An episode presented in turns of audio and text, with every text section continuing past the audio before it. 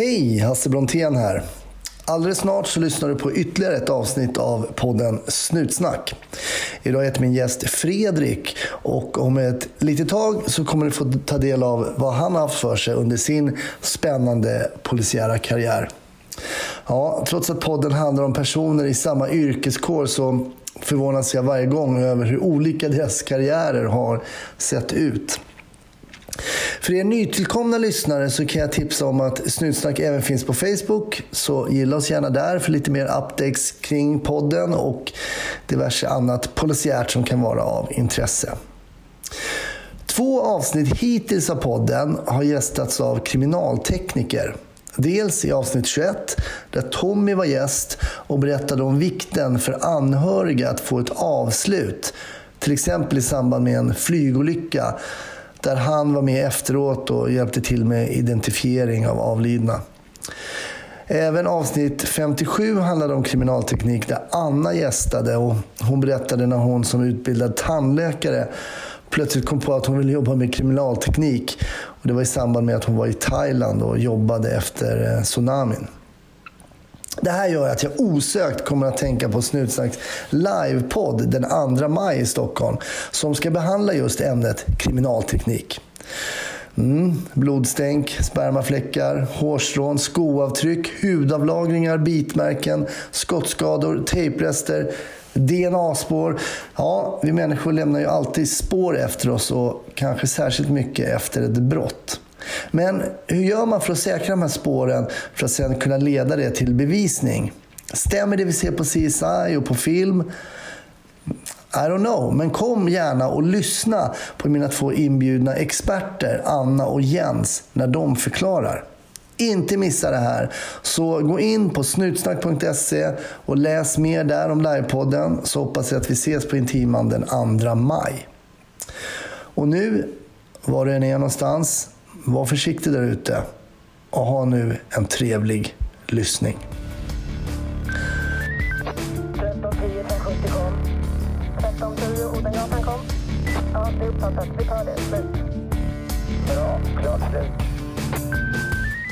Varmt välkommen till Snutsnack Fredrik. Tack.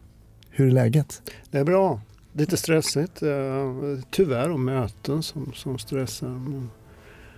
Det låter som du är chef när du ser att du har massa möten. Nej, jag vill inte se mig som chef. Jag vill helst vara någon form av ledare. Liksom. Men- en chef springer eh, på mycket möten och är väldigt fokuserad på statistik eh, och annat som inte är egentligen kärnverksamheten vid fronten, själva jobbet.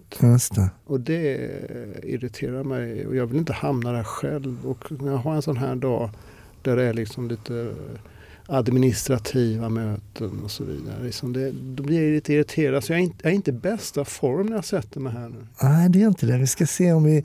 Då gör vi så här att vi ska ju såklart komma till varför du har haft så många möten idag. Eh, Men jag tänkte om vi kunde backa bandet och fråga vem Fredrik är. Var, var är du uppvuxen någonstans? Småland. Småland? Mitt i skogen. Mitt ute Ja, i någon liten by någonstans? ja, just, ja alltså eh, Imre Lönnebergaland. Ah, s- ja, Den typen av by helt enkelt. då får vi i alla fall en vision av din uppväxt lite grann. Ja, Hissade upp din lilla syster i flaggstången. och- ja allt det där. Precis. Körde hela racet.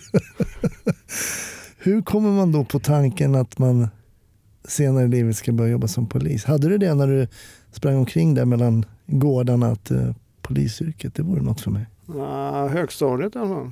Ja, alltså det kom ändå så pass tidigt kan man säga. Ja, men då var vi, jag i alla fall och kanske vi grabbar, vi var ju oerhört imponerade av, av eh, poliserna då i, i stan. Och, Alltså, vad, denna vad var stan då? Vad närmsta stad? Vad var det? Då? Nässjö. Nässjö? Alltså en, en radiobil. I bästa fall en fredagkväll så var det en, en eh, elak hundförare också. Ah, Okej. Eh, Men det var två verkliga, två sheriffer. Och det där imponerade på mig. Alltså, ja, Vad var det som imponerade då? Det har svårt att sätta finger på. Jag kan ju så försöka då vara lite så här djup och tänka att den där gör ju en god insats för samhället och för människorna och att jag själv då skulle vilja då gärna hjälpa människor till bättre situationer. Men jag var nog inte där liksom som 13-åring var det nog mer tjuv och polis. Alltså Mm. att det där att jaga rånare det verkar ju jättekul. Mm. Det var blåljusen. Blåljusuniformer och grejer liksom. Och Mm. tuggummi tuggande. Så du, du hade redan då en, en, en tanke på att det där skulle jag nog kunna tänka mig att jobba med och köra lite blåljus och jaga någon rånare. Ja, det satte sig där på högstadietiden, det gjorde det. Och eh, sen hängde det med helt enkelt hela vägen. Och, eh, sen var jag i och för sig då för feg för att ta eh, klivet direkt när det fanns. Utan jag väntade en tag innan det blev dags. Men sen blev det som det var. Inte, det fanns nog inget annat att välja på. Gjorde du lumpen som alla Ja, Killar på den ja, tiden också. Ja, precis. Alltså. Hemskt jobbigt. Och det var ju som, nu snack- vi snackade i slutet på 80-talet där liksom att det är inte trendigt att göra lumpen utan alltså Nej, tvärtom. Liksom. det var nolltrendigt ja. Ja, och de som försökte eh, slippa, ja, många försökte ju verkligen bli av med det och försökte liksom straffa ut sig och sådär och det var mycket negativt runt det där. Och vi, vi frös hela vintern ute i skogen. Eh, Men det gjorde jag. Och, eh, men det hade ingenting med polis att göra utan var jag bara tvungen helt enkelt. Kom inte undan. Jag försökte slingra mig där på mönstringen. Liksom. De gen- genomskådade det. Jag tror de var ganska bra på att genomskåda folk som inte hade några så här riktiga skäl att verkligen slippa undan de där, de där frys, nedfrysningarna. Ja. Man låg i tält och var eldvakt. Så att Ja. alla andra frös ihjäl nästan. Va?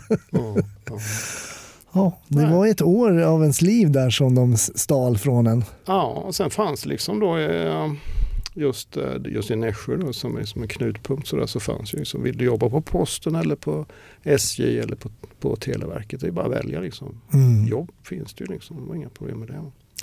Nej, det, det har ju tillkommit en del yrken. Det var ju inte så att du funderade på att bli influencer kanske eh, vid den här tiden, utan det var ju lite mer begränsat utbud får man väl ändå lov att säga.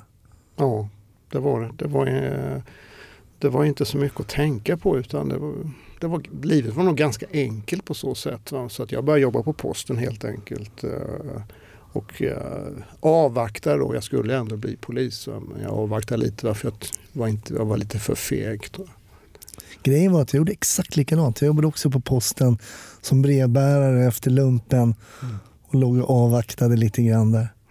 Men sen sökte du då eh, Ja, sen så tog jag eh, mod till mig då. Alltså, inte för att bli polis, inte själva det klivet utan klivet från eh, trygga Småland till stora farliga Stockholm. Mm, just det. Det var nog det som var liksom det tuffaste.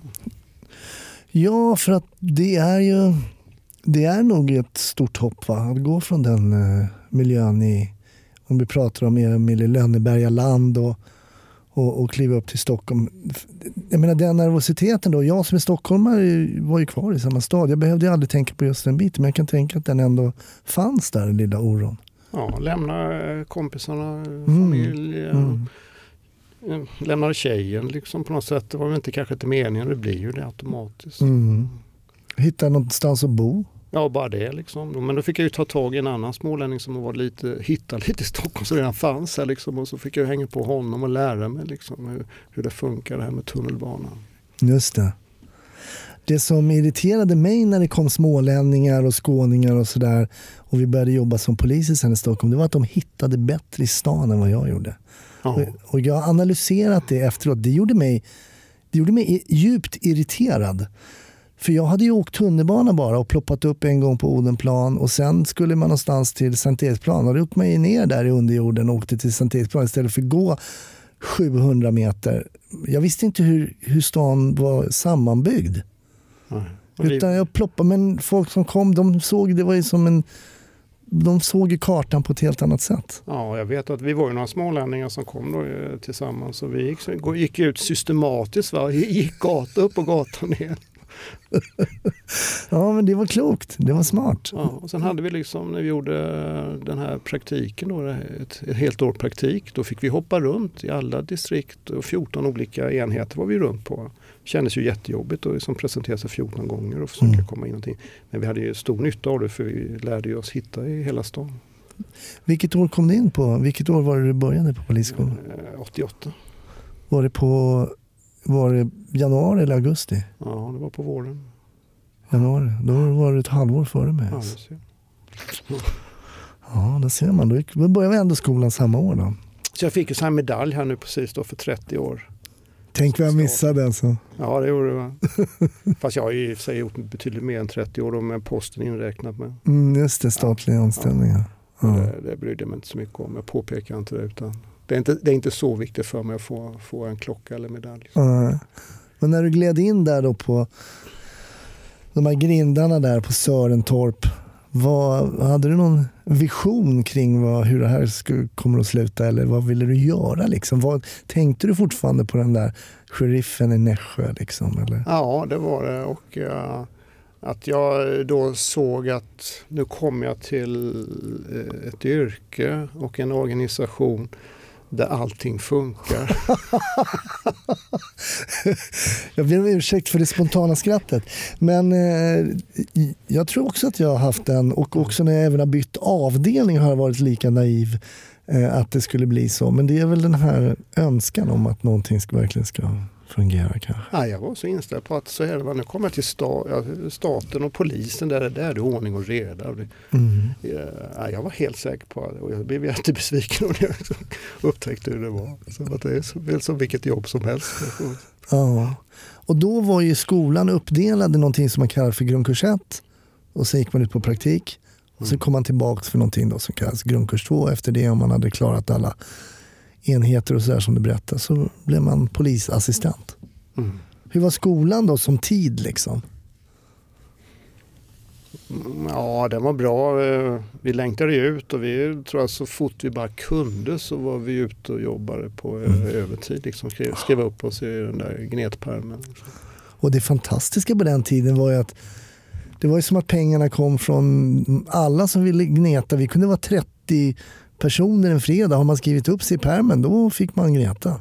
Ja, i princip var det så att alla, alla fick eh, jobba och eh, eh, men det var ju också att alla jobbade på något sätt i kärnverksamhet. Så alla gjorde ju nytta. Så man skickade ju ut folk. Alla skulle ut. Och, Mm. eh, så när bilarna är slut så var det så fotpatrull och så ner i tunnelbanan. Och, eh, det var ju inte alls som nu då att liksom så mycket folk går till ja, allt mellan himmel och jord alltså. Bara försvinner liksom. Utan Mm. det var det faktiskt ant- antingen man är ute på gatan eller så är man i förhörsrummen. Det var spännande. Jag kommer ihåg ett minne som jag har på mitt första gnetpass. Då skrev jag upp mig på gnet, gnet på Söder. Och då kom jag dit och det var några piketpoliser där som jag såg upp till lite grann. De såg, hade skinnpajer. Mm. Hade vi. Och sen skulle vi gå och käka. Och då kom jag bredvid en av de här stora vältränade killarna. Och då frågade jag honom då någonting. Han svarade inte mig. För han såg att jag var en riktig räv som det hette på den tiden. Så han, han tilltalade inte mig tillbaks. Tyckte jag var konstigt alltså. Ja, men det var alltså, vi möttes av den kulturen, möttes både du och jag av liksom och blev nog rätt häpna. Mm. Kände du också av den lite grann när du kom ut som ny? Ja, ja, och ja.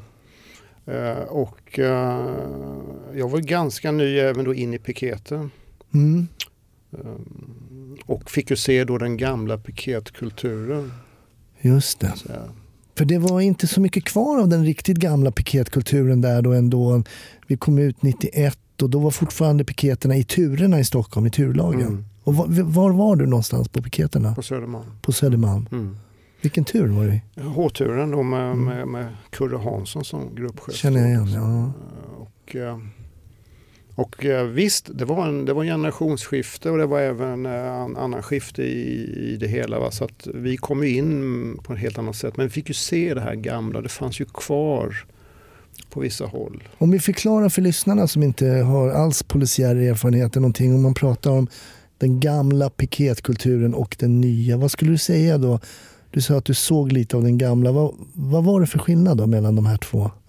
Den lite nyare och den äldre. Ja, det fick vara lite mer olika i den nya. Alltså, alltså, den gamla var att alla, alla såg likadana ut. Alla skulle tycka precis likadant. Alla skulle rösta på samma parti. Och, eh, och man skulle liksom eh, vara väldigt tuff mot buset. Och man var förnedrande mot uh, de som har misslyckats i samhället som var längst ner. Och så, Mm. sådär, och hade en dålig attityd helt enkelt. Och uh, det var bara den typen av profilen som, jag, som skulle då få vara i piketen. Då. Alltså den, den insatsstyrka, det var den enda insatsstyrka vi hade då som skulle ta, ta alla farliga personer, skulle ta katastrofer, flygkapningarna och, och det här. Va? Mm. Eh, men så kom vi in liksom då och tyckte att, att vi, vi, vi, vi, är vanliga poliser. Liksom. Vi, vi, och vi gjorde det. I vår grupp så var vi ute på nätterna och jobbade väldigt mycket. Vi satt liksom inte bara och väntade på att få det där häftiga jobbet utan vi var ute och betade av vanliga jobb och vi var och hämtade alkoholister på Viking Line och i parkerna. Och, men det var vi i vår grupp. För eh, Kurre Hansson han, han hade den sam, rätt attityd. Även om han har varit med i den gamla kulturen så hade han inställningen att vi hjälps åt. Vi har en, en gemenskap i, i turen och alla hjälps åt helt enkelt. Mm. Men där skiljer vi oss lite och vi, vi åkte inte i, i skjorta och slips utan vi åkte i overall. Då. Andra då skulle aldrig sätta på sig en overall. Nej, just det. De här eh, piketgrupperna stack ju ut lite grann på den här tiden. Det som var intressant var ju då när man kom så var, fanns det en, en piketgrupp i varje turlag. Eh, jag jobbade ju då på E-turen i Norrmalm och vi hade ju då vår E-turspiket som då gick samtidigt med E-turspiketen på Södermalm till exempel. Så man jobbade alltid med samma, vilket ju var en viss fördel. Mm. Och ehm, att jobba med samma personer och man kunde ringa och man hade ett förtroende och sådär. Det så är det inte riktigt idag. Nej, det blir mycket mer rörigt och eh, förlorar mycket energi på det. Alltså. Och, eh, då var det ju ett fasta eh, turlag, alltså man hade samma jobbarkompisar, man jobbade, visste exakt vilka kvällar, vilka nätter vi jobbade. Så du fick en effektivitet och du fick inget, inget, inget spill på all den här planeringen och, eh, och att inte då känna dem man ska jobba med och hamna i svåra lägen då med, med människor som du inte känner som, som, som kan agera på ett sätt som du inte förväntar dig. Va? Så det var mycket nytta av den här gamla. Mm. Eh, och den är ju på väg tillbaka lite nu för man har ju sett att den här liksom fritt valt arbete, planering liksom bara blir kaotisk. Mm. Och helt plötsligt så är vi liksom inne på att de flesta poliserna jobbar måndag till torsdag när de liksom själva tycker att det passar. Va? och sen när de mest behövs då liksom på helger och på kvällar och nätter då är det som, för, som, som då är det nere på den här så kallade minimibemanningen. Just det. För spontant så tänker man ju oavsett eh, vad man jobbar, du pratar om ett energitapp här lite grann och det, det är ju bara att sätta sig då, om vi tänker i en radiobil, att sätta sig med en ny person. Så är det en tid av känna på varandra som ju blir ett ständigt energitapp om du hela tiden ska möta nya kollegor. Mm. Och den, det energitappet hade man inte riktigt på den tiden eftersom man hela tiden jobbade med i alla fall samma turlag och samma personer. Ibland åkte man med samma men ibland visste man i alla fall vem de andra var. Mm. Men hur kommer det sig att du sökte piketen då? För piketen då var ju tuffa killar. Det, var ju, det såg man ju att de var tuffa. De åkte ju en bil som mullrade mest och de rymdes flest i bussen och det var Dodge van och det var ju liksom kängor och uppkavlade overallsbyxor och sådär. Vad var det som lockade dig till piketen då? Nej, jag hade ingen tanke på det. Utan det var- en kompis i samma klass helt enkelt. En annan smålänning som sa nu ska vi söka piket. Ja, okej då. gör vi det. Jag tyckte det var lite tidigt. Vi, vi gjorde det så fort det gick. Liksom. Det, och det hade väl varit bra att vara ute som, eh, på något annat sätt innan det naturligtvis. Så även om det, det var ju roligt och det var lärorikt. Och jag gjorde fyra år där. Och det är väl lagom ungefär. Mm. Hur var er piketgrupp då? Som, för det blir väl en ganska homogen grupp eh, till slut när man jobbar med, egentligen, man jobbar inte i en buss, men man åker omkring tillsammans, man tränar tillsammans, man spelar innebandy tillsammans. Hur var den gruppen du jobbade med på den ja, det tiden? var ja, en väldigt bra grupp. Och den var, vi, hade som jag sa, vi var ju öppna för det här att man får liksom vara lite olika och vi, hade, vi var- olika i gruppen. Och, eh, men vi umgicks då väldigt mycket på jobbet, satt liksom i samma buss liksom väldigt många timmar, åkte på alla möjliga eh, konstiga jobb. Och, eh, svetsades ihop på så sätt även om vi, liksom, vi nötte väl också på varandra då liksom, när man är så nära varandra. Mm. Men det var, det, var, det, var, det var en bra arbetsmiljö i gruppen och det var, jag tror, det var roliga år och vi gjorde mycket nytta helt enkelt. Alltså det var Mm. mycket eh, polis för pengarna, för skattebetalarna. Mm. Ja, jag sökte piketen någon gång och kom inte in. Eh, sen så var jag på piketen Hur ska det gå? EM 92. Då så förstärkte man piketerna med eh, lite så, ja, jag tror det kallades för förstärkningspiketen helt enkelt. Så då fick vi förstärka upp de som jobbade på um, de riktiga piketpoliserna. Så att säga. Men närmare än så kom jag inte. Men jag tror det var bra att jag gjorde lite annat. Men ibland är det lite sådär um, sliding doors. Mm. Eh, Man vet ju aldrig riktigt. Man halkar på något bananskal lite här och där. När du var här på piketen, fanns det en tanke kring, kring din framtida karriär som polis? Eller kom det någon annan smålänning och sa nu ska du söka det här? Nej, sen så tror jag att jag började eh, ta egna kliv då i stora otäcka Stockholm. Eh, för att eh, då, eh, då kom ju krav på det här med problem, krav, ja, krav från skattebetalarna att polisen ska liksom eh, försöka göra lite mer och då är problemorienterat polisarbete, man liksom skulle ta tag i något särskilt problem. Och även vi på piketen då fick liksom det att eh, är det något särskilt som ni skulle kunna göra något särskilt mot då? Så då funderade vi väldigt mycket och eh, det visade sig då att precis samtidigt eh, så, så klev MC-gängen in då, Hells Angels, klev in i, i Sverige och satte full fart. Mm. Så att då blev det ett, eh, ett område för oss, ett specialområde helt enkelt, där vi skulle gå in och agera och eh, försöka då att eh, försvåra den här etableringen och göra någonting åt det. Så då kom jag in på, eh, på gäng- i gängbranschen där. Just det, så, via då egentligen piketen då? Eller? Ja, precis. Mm. Vi, vi tog det uppdraget då att speciellt då här i Stockholm att försöka då att göra det så svårt som möjligt för dem att etablera sig i, i Mellansverige. Och då blev jag, blev jag samordnare för detta liksom, och ansvarig för det. Och eh, fick ett stipendium också eh, att fördjupa mig i eh, vad det här är för någonting. Då var du i USA? Precis, då, fick, då skickade då rikspolischefen Björn Eriksson och en annan driftig polischef, Bosse Andersson, som nu precis har slutat i Örebro. De skickade mig till USA kan jag säga. Eller jag sa att jag måste ju, må- måste ju lära mig det här, vi måste ju veta vad det handlar om. Så att då tog jag de här stipendiepengarna och sen så att Björn Eriksson sa självklart du ska åka. Så, så åkte jag eh, över dit och eh, Var var du då någonstans då? San Diego. San Diego. Ja. Varför valde du just San Diego?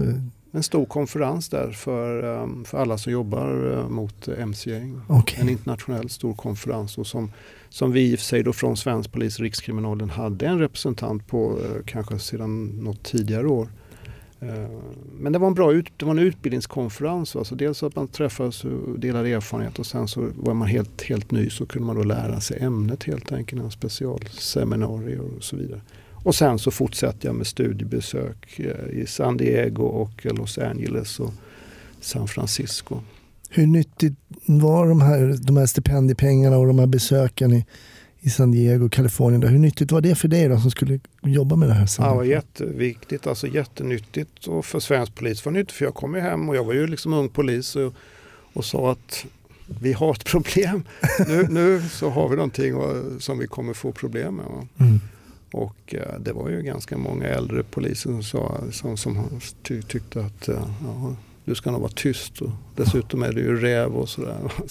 Just det. Så att, eh, jag hade lite tufft då. Jag fick mycket eh, motstånd helt enkelt när jag sa, sa att, att vi måste se upp här nu och här nu kommer det ett stort problem med, med organiserad brottslighet och grovt våld. Och det, i den frågan skulle du ju komma att få rätt också. Ja, precis. Fick jag ganska snabbt också. För att eh, 95 så kom ju Bandidos även till Sverige och sen så drog de igång då en våldsam konflikt som slutade med 60 skadade av skjutvapen eller sprängämnen och eh, 11 döda. Mm.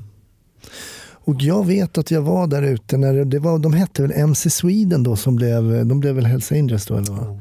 Och det är ut mot eh, Bromma flyg. Mm. Hade de väl sin första lokal där. Och då var vi där, för jag jobbade på Gatlandsgruppen och vi var där som civila och skulle liksom kolla koll på närområdet där och kan väl tänka mig att du kanske också var där då. Men det här eskalerade ju då som du berättade. Var, var befann du dig då i den här organisationen när det började hända, de här, när det började trappas upp med de här våldsamheterna? Ja, eh, när det sköts, eh, när eh, ledaren för Bandidos Sverige då, i Helsingborg sköts ihjäl på E4. Då ble, blev jag omprioriterad från piketen till Rikskrim.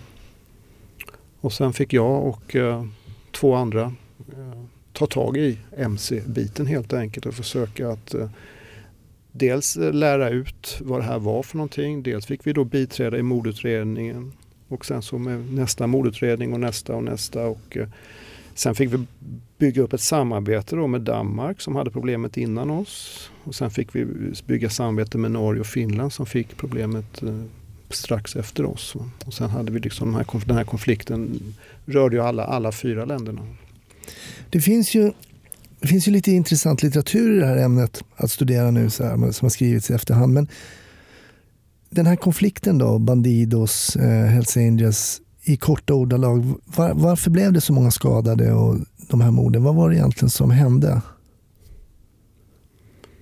Det var viktigt för båda, det är ju väldigt stora organisationer och eh, de är ju konkurrenter på något sätt. Å andra sidan så är de ju av samma skrot och korn. Vilket de kanske inte tänkte på just då. De var, lite, de var ju ganska unga, de var, ganska, de var heta. De är ju, var ungefär som nu då gatugängen är i de mest utsatta områdena. Eh, de gjorde inte så mycket analyser, funderade inte så mycket utan alltså bestämde sig bara att nej, det här är vårat territorium. Det var inte ett, det var inte ett kontinuerligt konsekvenstänk. Man, tror, man tänkte inte på nackdelarna med att dra igång då eh, ett, ett krig som de kallar det. Liksom. Mm. Utan, utan, eh, det blev ju så att Bandidos blev ju anfallna av eh, Hells Angels-sidan helt enkelt för att de inte skulle etablera sig i Sverige. Och eh, det där då gick ju vidare och till slut så blev det ju så. Det gick, höll ju på i två år och eh, då engagerades ju polisen. Helt plötsligt kom vi igång med specialinsatser och vi kom igång i de andra länderna och eh, politiker började engagera sig. Och, eh, eh efter två år så kom vi fram till att eh, det där var inte bra för någon av dem. Och de då slöt ett, eh, ett fredsavtal och vapenvila. De hade liksom byggt en egen måltavla som var de själva kan man säga då i och med att de drog till sig så mycket uppmärksamhet från myndigheter och, och Ja, de politiker. drabbades så, så illa själva av det hela och, eh, och började väl då luta sig tillbaka och fundera att vi har ju samma inställning liksom till det där med outlaw-stilen och det, där, eh, den värdegrunden som är runt, runt den där. Va? Eh, Och då började vi även då, i mitten på 90-talet började vi få, få stora problem med gatugängen. Framförallt då i norra Botkyrka och i Rinkeby-Tensta. Och eh, Angered börjar komma, eh, Rosengård börjar komma. Så att möjligtvis har man börjat fundera på att aj, vi har kanske lite andra problem än oss själva att tänka på nu. Mm. Så att sedan då 97 har man ju då inte skjutit på varandra på så sätt. Och, eh, det är klart det ligger mycket, bland de äldre i alla fall, så, så är det naturligtvis att, att eh, kompisar har blivit mördare och skadade och så vidare. Så man har mycket personligt agg mot kanske andra personer. Men som två, två gäng, två, de är ju ganska välorganiserade så är de liksom kanske på samma sida på något sätt Mm. när det gäller att, att stå emot nya hot runt. Jag läste i somras om en bok om det är Hells Angels i Göteborg. Jag tror att den hette Helvetet inifrån eller något liknande. Och vad, vad jag reflekterade över att det är just det du säger, att mycket av tjafset var internt. Mm. Alltså, det var vem har gjort vad och så vidare med vem. Och det var sällan den yttre hotbilden som, det var väldigt mycket internt. Mm. Det är som hos oss. Precis, det är helt överförbart med, med eh, bossen och sen neråt i hierarkin. Men om vi går från de här gängen, så sen pratar du om eh, Norra Botkyrka och mer gatugäng. Mm. kan man se rent organisatoriskt att det finns likheter mellan outlaws, förutom motorcyklarna då såklart, men inte, inte organisatoriskt riktigt alltså. Eh, men, men i, eh, i normer eh, så är de ju jättelika. Att de liksom verkligen fokuserar på historiskt manliga normer. Det är jätteviktigt att det bara är män. Kvinnor får inte vara med. Det är liksom, våld är ju helt naturligt. Det är ju självklarhet och ska naturligtvis användas för alla möjliga olika syften. Både, liksom att höja sin egen status och att få inkomster och försvara sig på något sätt. Eh, Så att där har, har ju då gatugängen de nya generationerna, de har precis samma inställning som de här då gamla outlaw-generationerna runt om manlighet och att det, det är ett brödraskap och det är liksom som står upp för, and, för varandra in i döden och så vidare. Och, mm. eh, att andra får inte komma in i de innersta rummen liksom, och kvinnan ska vara i köket. Och det, det ligger ju väldigt mycket kvar där. Va? En stor stark bil. Mm. Eh, om man dricker liksom stark öl. Inte, inte, Inte rosé. rosa. Inte, nej, inget rosa. Nej. Eh, Så att det, är, det är lite fånigt om man tittar på det utifrån. va, Men, men eh, det, det, det sitter där. Så det är en stor likhet. Sen så gatugängen då som vi då jag, fick, jag körde ju mm, insatser mot MC-gängen under många år då, vi bara körde mot MC-gäng. Mm. Men vi fick ju då prioritera om då 99 till gatugängen därför att de då började bli så sån stor problem. Liksom, för att vi, att vi inte ens hade någon polis i norra Botkyrka överhuvudtaget. Hur kommer det sig att poliser är så sen, att man är så sen på bollen? För man, man tycker att det här borde ju ha kunnat uppmärksammas. Du åker till San Diego, sen kommer du hem och säger så här, jag tror vi kommer få ett problem här. Eh, vi- jag tror att vi kommer få ett liknande problem som USA, kanske alla Sverige, men det kommer bli ett problem. Samma sak, det fick du rätt på sen. Och det borde ju någon annan också ha kunnat knäcka den koden tycker jag. Och samma sak när det gäller de här gatugängen. Varför är polisen så sena på bollen? Intressant alltså. Jag har funderat mycket. Får, eh, jag får eh, den frågan. Eh, det kan hänga ihop med någon svensk kultur. Någon svensk, att alltså, Sverige har varit förskonat från större problem och Sverige har va- varit och är ju ett av världens rikaste länder. Eh, välfungerande och välfärd är vi kanske bland topp tre i världen på en välfärd. Och, eh, vi har byggt ett folkhem. Det har varit mycket ordning och reda och en trygghet så sätt.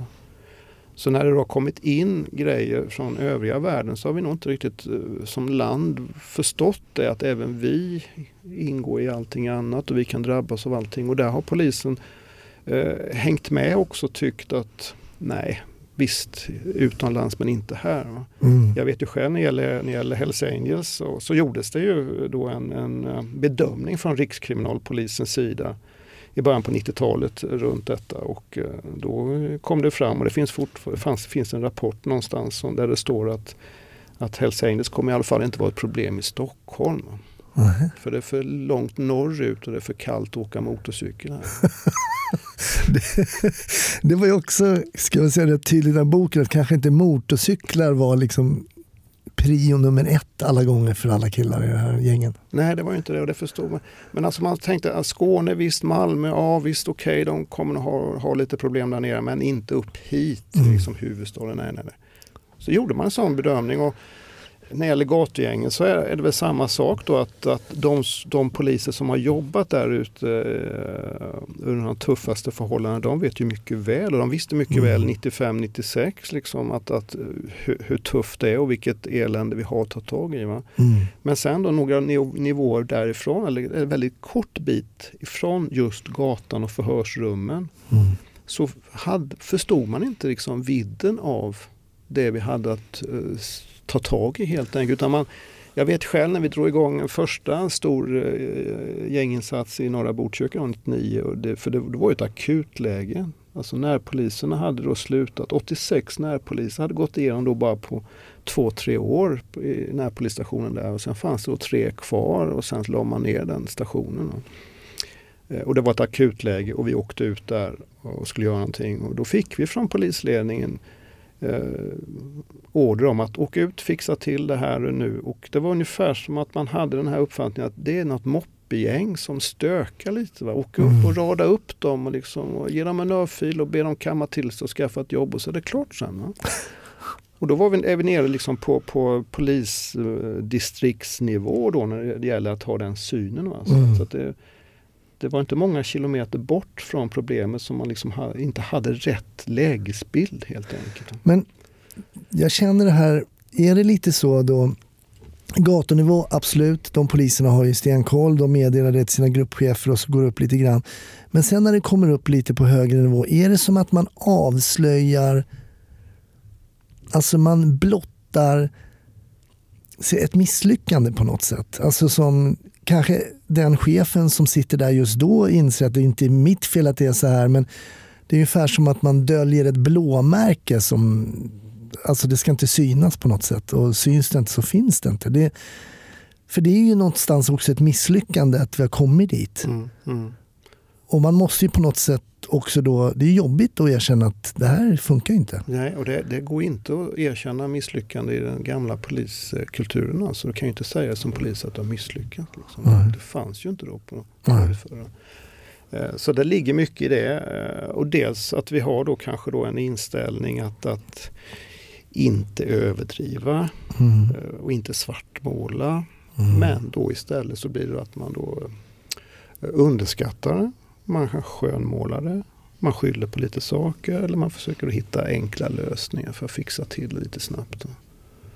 Så att För det har ju blivit nästan ett skämt nu det här när någon säger så här, men de har inga fritidsgårdar eller de har liksom ingen replokal. Det känns som att den, det snacket, det är liksom, det är too late lite grann. ja, det, det.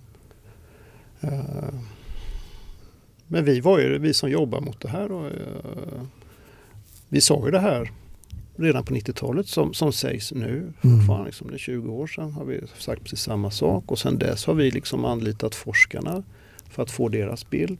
Vi har haft ett stort EU-projekt åt EU-kommissionen eh, som vi då har gjort för att ta fram kunskap om gängkriminaliteten. Vad är det för någonting och vad gör man åt det? Vad är de bästa åtgärderna? Och vad ska man inte göra? Och så vidare. Det har vi ju ändå jobbat med i många, år så att vi har en oerhört hög kunskapsnivå sedan lång tid eh, i Sverige, svensk polis. Sen har vi på något sätt inte fått det bli, att bli action, att, att, att vi har gjort någonting i verkstaden, på gatan, i förhörsrummen som, som, eller på djupet då, tillsammans med andra myndigheter. Utan vi, har, vi har en paradox där på något sätt. Men Mm. vi har också i och för sig kommit igång med myndighetsgemensamma insatser. Vi är bättre på att dela sekretess, vi är bättre på att mötas och försöka hjälpa varandra. och Så. Eh, Men vi, eh, ja, det, ja, alla ser ju hur mycket det sprängs och, och skjuts. Va? Så Mm. vi kan ju inte vara stolta över att vi, vi har det som vi har det.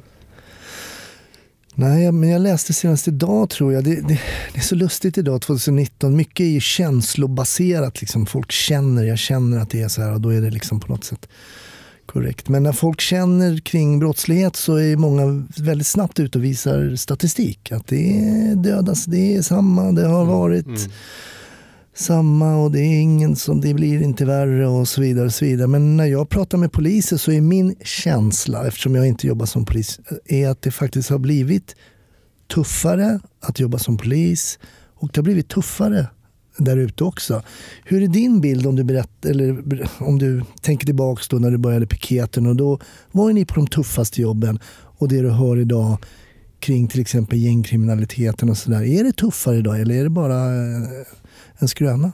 Ja, det är lite, lite att, att, eh, att det kanske då eh, fel, fel bild att det är mycket värre nu. Det är det inte. Det är Mm. det inte. Alltså, visst, lite värre är det men det är på vissa platser som det är då värre. Eller mycket värre på vissa enstaka platser. Så är det Mm. mycket värre än förut. Men på många andra platser är det ju bättre. Så det är både sant och falskt man Ja, parad- alltså man får, måste verkligen så här tänka, alltså när det gäller anmälda brott så har det minskat och när det gäller ungdomsbrott så minskar de. Ja, varför det? För att det är färre ungdomar eller för att de sitter mer vid dataspel, de dricker mindre alkohol. eh, eh, Så att det är mycket som ändå är positivt eh, på så sätt. Va? Men tittar du på de, de bostadsområden som har det, haft det jobbigt väldigt länge, där är det fortfarande väldigt, väldigt tufft. Och sen så säga då att det var värre än tidigare nu, det är liksom det är alltid, man måste alltid relatera till någonting för att säga att någonting har blivit värre och då vet man inte riktigt heller vad man ska jämföra med. Kanske. Ja, när vi körde, liksom, när vi satsade i norra Botkyrka då, från 99 och flera år framåt så hade vi precis samma lägesbild som vi ser nu. Alltså att eh, de boende fullständigt eh, eh, utsatta av brottsligheten totalt för att alla som bor, bor där och bodde där då Eh, måste förhålla sig till brottsligheten. Man kan inte ringa till polisen, man kan inte vittna. Eh, har du företag och butik så får du betala dina eh, beskydda pengar för annars är det kört. Va? Har du det liksom en natt öppet på något sätt, då kommer de in och så hämtar de sina grejer i butiken och så går de och du kan liksom inte göra någonting. Va? Du har narkotikahandeln som är omfattande, du har stort narkotikabruk överhuvudtaget. Eh, föräldrar är jätteoroliga för sina barn då, som, är, som är så nära narkotikan och har kompisar som säljer narkotika. Och skolan är tuff och väldigt många fortfarande då klarar inte nian. Och så var det på 90-talet också. Så att väldigt mycket är likadant nu som det var på 90-talet i de utsatta områdena. Sen så fanns det ingen polis kanske då, eller fanns ingen diskussion riktigt om det här. Där har vi kanske blivit bättre att vi ändå pratar om det. Mm, mm. Sen så eh, är det mycket prat och kanske då att vi har fått verkstad också till viss del. Då, att man har satsat då i Södertälje, norra Botkyrka, Malmö Eh, och Göteborg har kört i särskilda insatser och eh, vi har förstärkt här i Stockholm i Järvaområdet och satsat extra mycket där. Mm. Men det är ju, det är ju de andra områdena som då inte har riktigt kvalat in till någon topp 10 utsatt. De får ingenting nästan då. Mm. De blir liksom helt utlämnade. Då, så att, vi har kommit en liten bit på vägen men, men, men vi har ju ett, någon form av akutläge för att, som, polisen, som polisen gör. Vi åker runt och försöker liksom kyla av alla dessa väpnade konflikter, försöker få dem att skjuta mindre. Vi försöker plocka av dem vapen, försöker liksom vara så nära så att vapnen ska ändå vara så långt borta att det ska ta ett tag innan liksom de kan komma till användning. Mm. Så det är ju en, det är en, en kapplöpning mellan polisen och uh, alltså den grova gängbrottsligheten. Men jag tänker på de här um det här som du berättade, att om man har en butik. Det är lite så här, um, jag tänker ju på maffiafilmer man ser. Oh, du vill väl inte att det här ska brinna upp, den här restaurangen. Va? Så det är bara hit med stålarna liksom. Och det har jag ingen minne av att jag såg, men det kanske inte sker såklart inne i city idag heller. Men ute, ute i förorterna så gör det det. Alltså. Att man får betala av helt enkelt om man inte vill att butiken ska bli förstörd eller något sånt där. Ja, och skulle på något sätt uh, vara besvärlig för, för liksom de kriminella som det lokala gänget som finns på alla utsatta områden. Skulle liksom på något sätt sätta det upp mot dem, till exempel att prata med polisen eller anmäla någonting, då får du problem. Mm. Så att de är jätteutsatta och jag, vi har jobbat flera gånger då mot företagare som har butiker och som är utsatta. Vi, vi har gått in och gjort allt vad vi kan från våran sida. Och vi, vet, vi vet ju Göteborg som hade då när Bandidos utpressade ett krögarpar på hissingen Där polisen gjorde allt vad vi kunde. Där tidningarna hade gratisannonser för att få folk att åka dit och äta. Allt stöd för att de skulle då, men de, inte ens där orkar de då stå emot deras bilar brann upp julhelg. Sen så till slut så gav de ju upp. Va? Så att, att vara egen företagare liksom i, i restaurangbranschen ha, eller ha en butik eller någonting annat i ett utsatt område, det, det är ingen lek. Alltså. Nej. Så det gick från um, Hells Angels problematik, problematik, problematiken heter det, förlåt. Um, och sen då till de här gatgängen. Vad kom mm. du att jobba med efter det då? Nej, det är väl det. Du är kvar? Ja, jag har kört sådana särskilda insatser eh, sen, sen 90-talet. Så att, det, på olika håll. Både nationellt och eh, internationella och eh, lokala och regionala nu. nu just nu så så håller jag i en aktionsgrupp som eh, riktar sig mot eh, den organiserade brottslighet eh, som drabbar idrotten. Så det är en specialinsats då för idrottens skull därför att idrotten som, som yrke är väldigt utsatt. Eh, för otillåten påverkan. Mm. Otillåten påverkan det, det är liksom våld, hot, trakasserier, skadegörelse och mutor. Okej. Det, det är väldigt vanligt förekommande och eh, eh, mot olika funktioner inom idrotten helt enkelt.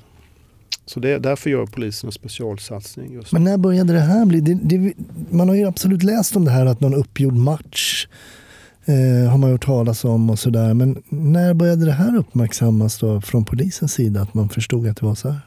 Ja, det var, väl- det är tillbaka till det här kanske att inte polisen förstod eh, förrän eh, lite för sent. Va? Utan att det var ju, det var ju Björn Eriksson och eh, när han utredde idrottens problem mot regeringen för många år sedan som kom fram till att polisen måste ta tag i just den här grova, grova organiserade brottsligheten som är inne i idrotten och alla dessa hot och trakasserier som är på alla möjliga sätt vis. Både från huligangäng men också från vanliga supportrar som går igång och ska hota och styra och ställa eller eh, hota domaren för någonting. Eh, så att det har ju varit ett krav från Riksidrottsförbundet länge att, att polisen måste prioritera, prioritera upp idrotten. Och det, det har vi alltså gjort då genom en, att vi har en särskild överenskommelse mellan Riksidrottsförbundet och polisen och att då polisen i Stockholm är ansvarig då för, för, att, eh, för just idrotten. Så det görs det många olika sätt, må, många olika grejer. Liksom både att man ska försöka få bukt med de problem som är runt, speciellt en fotbollsmatch. Då. Men också att vi måste titta på en organiserad brottslighet som är inne och tjänar ganska stora pengar, speciellt inom fotbollen. Det har vi upptäckt nu själva då, när vi då har satt igång en insats. Vi har upptäckt mycket och fått igång idrotten själva. Fotbollsförbundet har börjat våga agera. Men vad, spontant då, vad, vad, för den som är okunnig då, var kan den organiserade brottsligheten tjäna pengar på inom svensk idrott? Eh, matchfixning.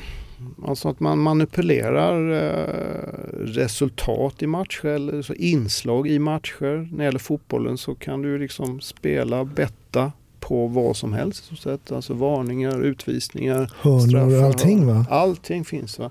Och eh, Eh, kan du då manipulera det här på något sätt så kan du dra in stora pengar då, genom att du den som har lagt, eh, bettat eh, på de 300 bolag som erbjuder spel på alltså svenska fotbollsmatcher med mera. Så det är väldigt många bolag som erbjuder och de flesta finns, finns i Asien. Så det, det, och det har förekommit i många år men vi från polisens sida har inte, inte uppmärksammat eller på något sätt funderat på om vi ska göra särskilt just mot, mot matchfixningen. då. Men den kommer in här nu då i och med att vi, den kommer in som otillåten påverkan. Att man då försöker då hota spelare eller muta spelare eller hota mut- muta domare. Då blir det en otillåten påverkan och då har vi den här särskilda aktionsgruppen som jag håller i. Som går in direkt för att styra bort en sån påverkan och Mm. agera mot gärningspersonerna. Det gör vi alltså. Vi håller inte på med, med skyddsåtgärder åt de som är utsatta utan vi går direkt på gärningsmännen och styr bort Okej. hoten. Mm. Alltså väldigt intressant och man är ju fascinerad över uppfinningsrikedomen kring att tjäna pengar.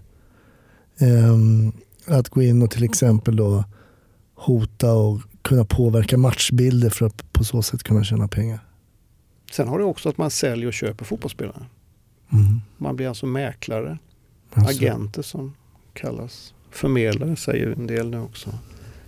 Att du liksom går in och ordnar en övergång. En spelare ska från en klubb till en annan klubb. Och då ska det betalas ett arvode däremellan för den som de, den eller de, det är oftast väldigt många personer inblandade. Så blir det många pengar som ska betalas ut där, den affären. Det har ju blivit oerhörda pengar eh, och just fotbollen tycker jag känns som att det har blivit en oerhörd hype också kring fotboll. Jag, visst, det var tips extra på lördagar när man var liten och man kollade på något slaskigt eh, gräsmatta där med Aston Villa.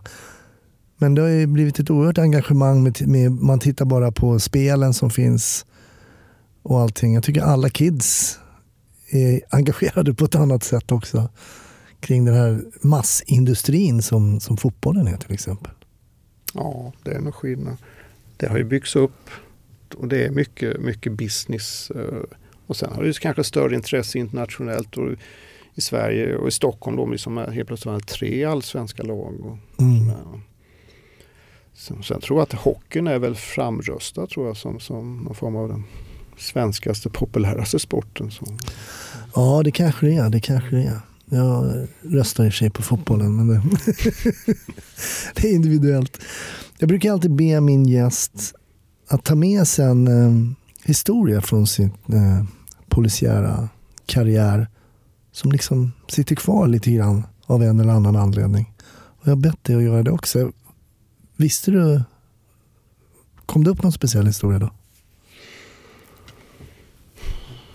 Ja, både, både, alltså både solsken och eh, elände. Så, så, eh, det som kanske sticker ut. eh, alltså Alexander, var, det, det, det tog hårt. Mm. Eh, Jag hade ju sig mm, Leif Widengren där som sköts ihjäl i Högdalen med värdtransportrån. Också. Men, Alexander blev så, så, eh, så oerhört eh, tragiskt och eh, det var ju ändå det var på landet. Det var alltså en vanlig radiobil. Två vanliga poliser. Mm. Uh, ute i en väldigt vacker trakt. Och I maj, oerhört vacker dag. Mm. Att det hände just där. Var var du då när det här hände? Eh, Ja, då höll vi, höll vi på med en MC-insats någonstans. Man fick pri- prioritera om till det här. Då. Mm. Sen så finns det då eh, det mord som jag då själv ansvarat här för just för ett tag sedan. Eh, Det var tufft. Det, det har tagit hårt eh, därför att eh, allting tyder på att eh, en helt vanlig oskyldig grabb sköts ihjäl. Just det, samband med något gäng. Ja, det alltså tyder på att det är gänganknytning. eh, Helt klart alltså. Nu fortfarande pågående utredning och så där vidare. Men, men allting tyder ju på att, att eh, han, han har tagit fel helt enkelt. Liksom. Det, så att, och det, det har tagit mig hårt. Alltså det, det är ett högt pris som många, det, han är ju inte, vi, har ju, vi har ju små barn som har drabbats. eh, Vi har två barn i Göteborg som har dött på grund av gängvåldet. Mm. Att det är så högt pris vi, vi nu då får betala och familjer får betala och, för att vi inte har tagit tag i det här liksom, i det här landet. Liksom. Mm. Det, det tycker jag är ytterst bekymmersamt att vi liksom har låtit det utvecklas till det som det vi har idag då med så många som drabbas, alltså så många som ändå dör av våldet eller skadas av våldet. Men också alla de anhöriga runt här som får hela sina liv Mm. störda. Om vi backar tillbaks, du, du berättade att med Alexander är en, det var ju 99 det här hände. Du säger att det påverkade Hur påverkade det dig i ditt tänk kring det du jobbade med? Alltså tänk så här, vad, två av mina kollegor som, jag vet inte om du kände någon av dem som dog där i Alexander? Nej, jag tror att jag, jag tror att jag träffat dem, att jag träffat dem någon gång. Ehm, det tror jag. Ehm, men ja, det påverkar mig. Alltså det, det skakade nog om mig. Det satte sig nog riktigt liksom i, längst inne på något sätt. Och det där har jag... Ja, jag kommer nog alltid ha med det. Sen finns det solskensgrejer också. Alltså jag har ju sett, i och med att jag varit i den här gängbranschen då, så har jag sett hundratals dö. Alltså, eh, anhöriga, jag har sett föräldrar, har sett föräldrar som har gått på flera, alltså två begravningar, begravt båda sina liksom, söner. Liksom. Eh, men sen så finns det ju mycket ljusa saker också där vi liksom jag och eh, mina kollegor liksom ändå kunnat rädda liv och vi har vet att vi har gjort en jätteinsats på olika håll. Och det som slår, slår mig då liksom ibland är att när någon kommer fram och uh, hälsar och säger Känner du igen mig? Nej, nej jag gör inte det. Ja, men vi sågs där ute i förorten för 20 år sedan. Du grep mig, ni låste in mig. Jag satt häktad hos er. Ni snackar med mig om att försöka skärpa till dig, försöka rädda livet på dig själv och göra dina anhöriga glada och sådär. Liksom. Och sen plötsligt så står de där och det liksom, livet har vänt och de har liksom suttit inne 15 år, de har kommit ut, de har liksom börjat om. De har fått något hyfsat vanligt jobb och sådär. Det har hänt några gånger. Varmt. Hur, hur är den känslan då? Ja, jättehäftigt alltså. Jättekul alltså. Det, det ger jättemycket liksom när jag får det. Det, det är en tre, fyra stycken liksom som det händer då och då, kanske någon gång om året. Liksom. Ja. Det, det kommer, eller någon hör av sig. Det var en kille som hörde av sig här nu liksom. Och, eh, han, han, han, det var något stort steg bara att höra av sig och liksom försöka upprätta någon form av kontakt. Mm. Och sen träffades vi och hade jättebra samtal. Liksom, och, och han då liksom också lite äldre men ändå då liksom klok på något sätt och har överlevt alla de här farorna som väldigt många andra inte alls grejer. Men det är några stycken som gör det liksom kanske på grund av någon egen förmåga plus att de har goda krafter som kanske står precis bredvid dem och får bort dem i rätt situation. Eller att de inne hos kriminalvården, att någon får dem att tänka Mm. en annan bana. Just det. Så att det, är inte, det är inte kört för alla. Va? Det slutar väldigt illa för väldigt många och det, där måste vi på något sätt eh, snabbt ändra på det. Va? Men, eh, nej, men det är väl det jag, när du säger Ja. sådär så tänker jag just på, på de två. En, en på Fryshuset till exempel då, som Mm. kom fram. Sådär, liksom. Det är häftigt. ja, ja. Det är riktigt häftigt alltså. För jag kan tänka mig att det kan finnas en känsla av att liksom lite så här, här står vi och trampar vatten och några Botkyrka eller du nämner några sådana här utanförskapsområden. Och det är liksom, man kanske inte riktigt ser att det händer någonting överhuvudtaget. Och det måste ju vara en, bygga någon form av frustration. Men när man får sådana här små droppar av av ljus liksom så måste det ändå tillföra mycket energi till Ja. det arbetet man Ja, gör. För jag menar det är ju så polisyrket och många som har varit gäster i, i podden säger ju det att man får ju, alltså man jobbar ju mycket, det är mycket moln på himlen.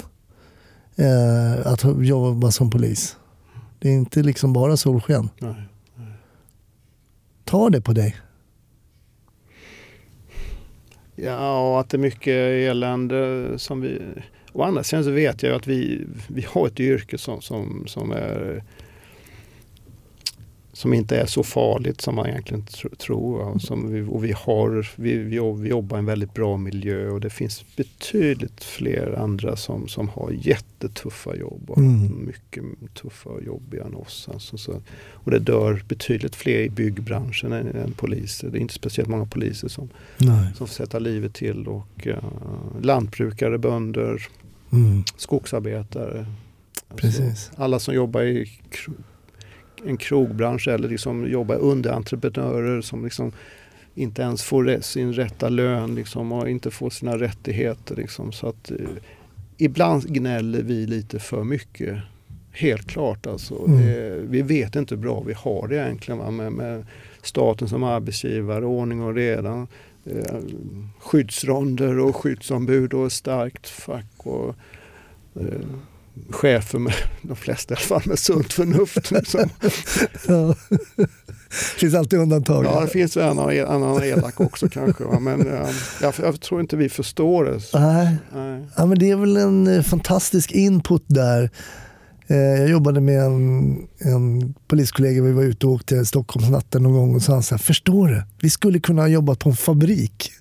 Och liksom det var hans personligen, aldrig tänkt tanken att jag ens skulle jobba på en fabrik men det var liksom sådär, satt och tänkte på, ja det finns verkligen yrken. Vi var ändå två ganska unga män som åkte runt i en polisbil i Stockholm. Just då hade vi inget jobb.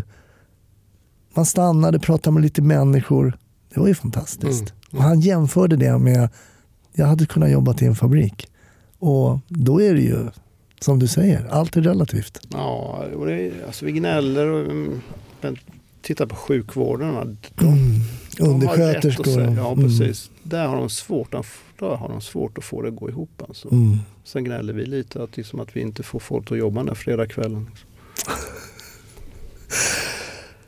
Du ska få avsluta med att tipsa om en bra polisfilm eller polisserie. Ja, Wallander eh, ligger mig nog närmast. eh. Ja. Men eh, Har du problem liksom när det är svenska eh, polisserier att du liksom, mm, hallå, det här håller inte. Nej, inte längre. Nej. Alltså som både du och jag, liksom, när vi var unga så satt vi väl och påpekade för hela familjen hur fel allting var. Så där, ja, så funkar. nu, kan vi väl njuta av det liksom, som det är underhållande film. Liksom. Ja. Det, nej, jag retar inte upp en på någonting nu utan tvärtom tycker jag att jag såg faktiskt på en Roland Hassel-film här i, i helgen. De är rätt gamla va? men Ja. jag tog fram en för vi hjälpte till just för den här, det är MC-gäng med i den filmen så att vi hjälpte scenografen där liksom med, med, med mycket runt det där. Ah, okej. Så jag tittade på den igen i helgen. Och, mm, de la ner mycket jobb, alltså de, de har försökt ändå göra en väldigt bra. Liksom. Och scenografen, varenda detalj skulle vara exakt som i verkligheten. Ja. Sen blir det liksom för mycket skjutande och hej svejs och sådär kanske. Men, ja, nej, men, men Wallander, men, men det beror nog på mycket skådespelarna. Jag är oerhört imponerad av Christer Henriksson. Mm. Det är därför jag fastnar just för, för den. Tror jag. Ja, Mm. Kul. Sen är Beck, har ju mycket, mycket eh, kan jag känna igen mig lite. Liksom sådär. Men känner du, är det Gunvald du känner igen? Eller? Nej, nej, nej. nej, för katten. Jag vet att det är väl den, den här favoriten för, för de flesta poliser. Det finns man undersökningar, vilken filmpolis vill du helst vara? Va? Då är det Gunvald Larsson som hamnar som nummer ett. Ja. Han är någon form av högkomprimerad eh, piket, eh, någon sån här som inte hade funkat i den där rollen egentligen alls på krim och var den här tuffingen med one-liners. Men det är ju en fantastisk eh, filmkaraktär, det Ja, går det inte att komma ifrån och Persbrandt gör det ju riktigt, riktigt bra. Så är det. Så är det, så är det. Nej, men vi rundar av med Wallander och det har varit oerhört spännande att eh, lyssna kring det du har pysslat med Fredrik. Eh, med allt från mc-gäng till gängkriminalitet och det som händer inom idrotten idag. Väldigt spännande och vi hade ju lätt kunnat sitta en timme till.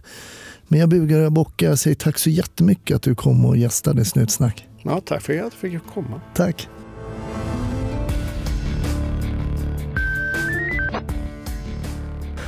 Tack för att du har lyssnat på Snutsnack. Smit nu in på snutsnack.se och sen kan du också gilla oss på Facebook. I övrigt så önskar jag dig en fantastiskt trevlig vecka och så hoppas jag att vi hörs i nästa. Hej då!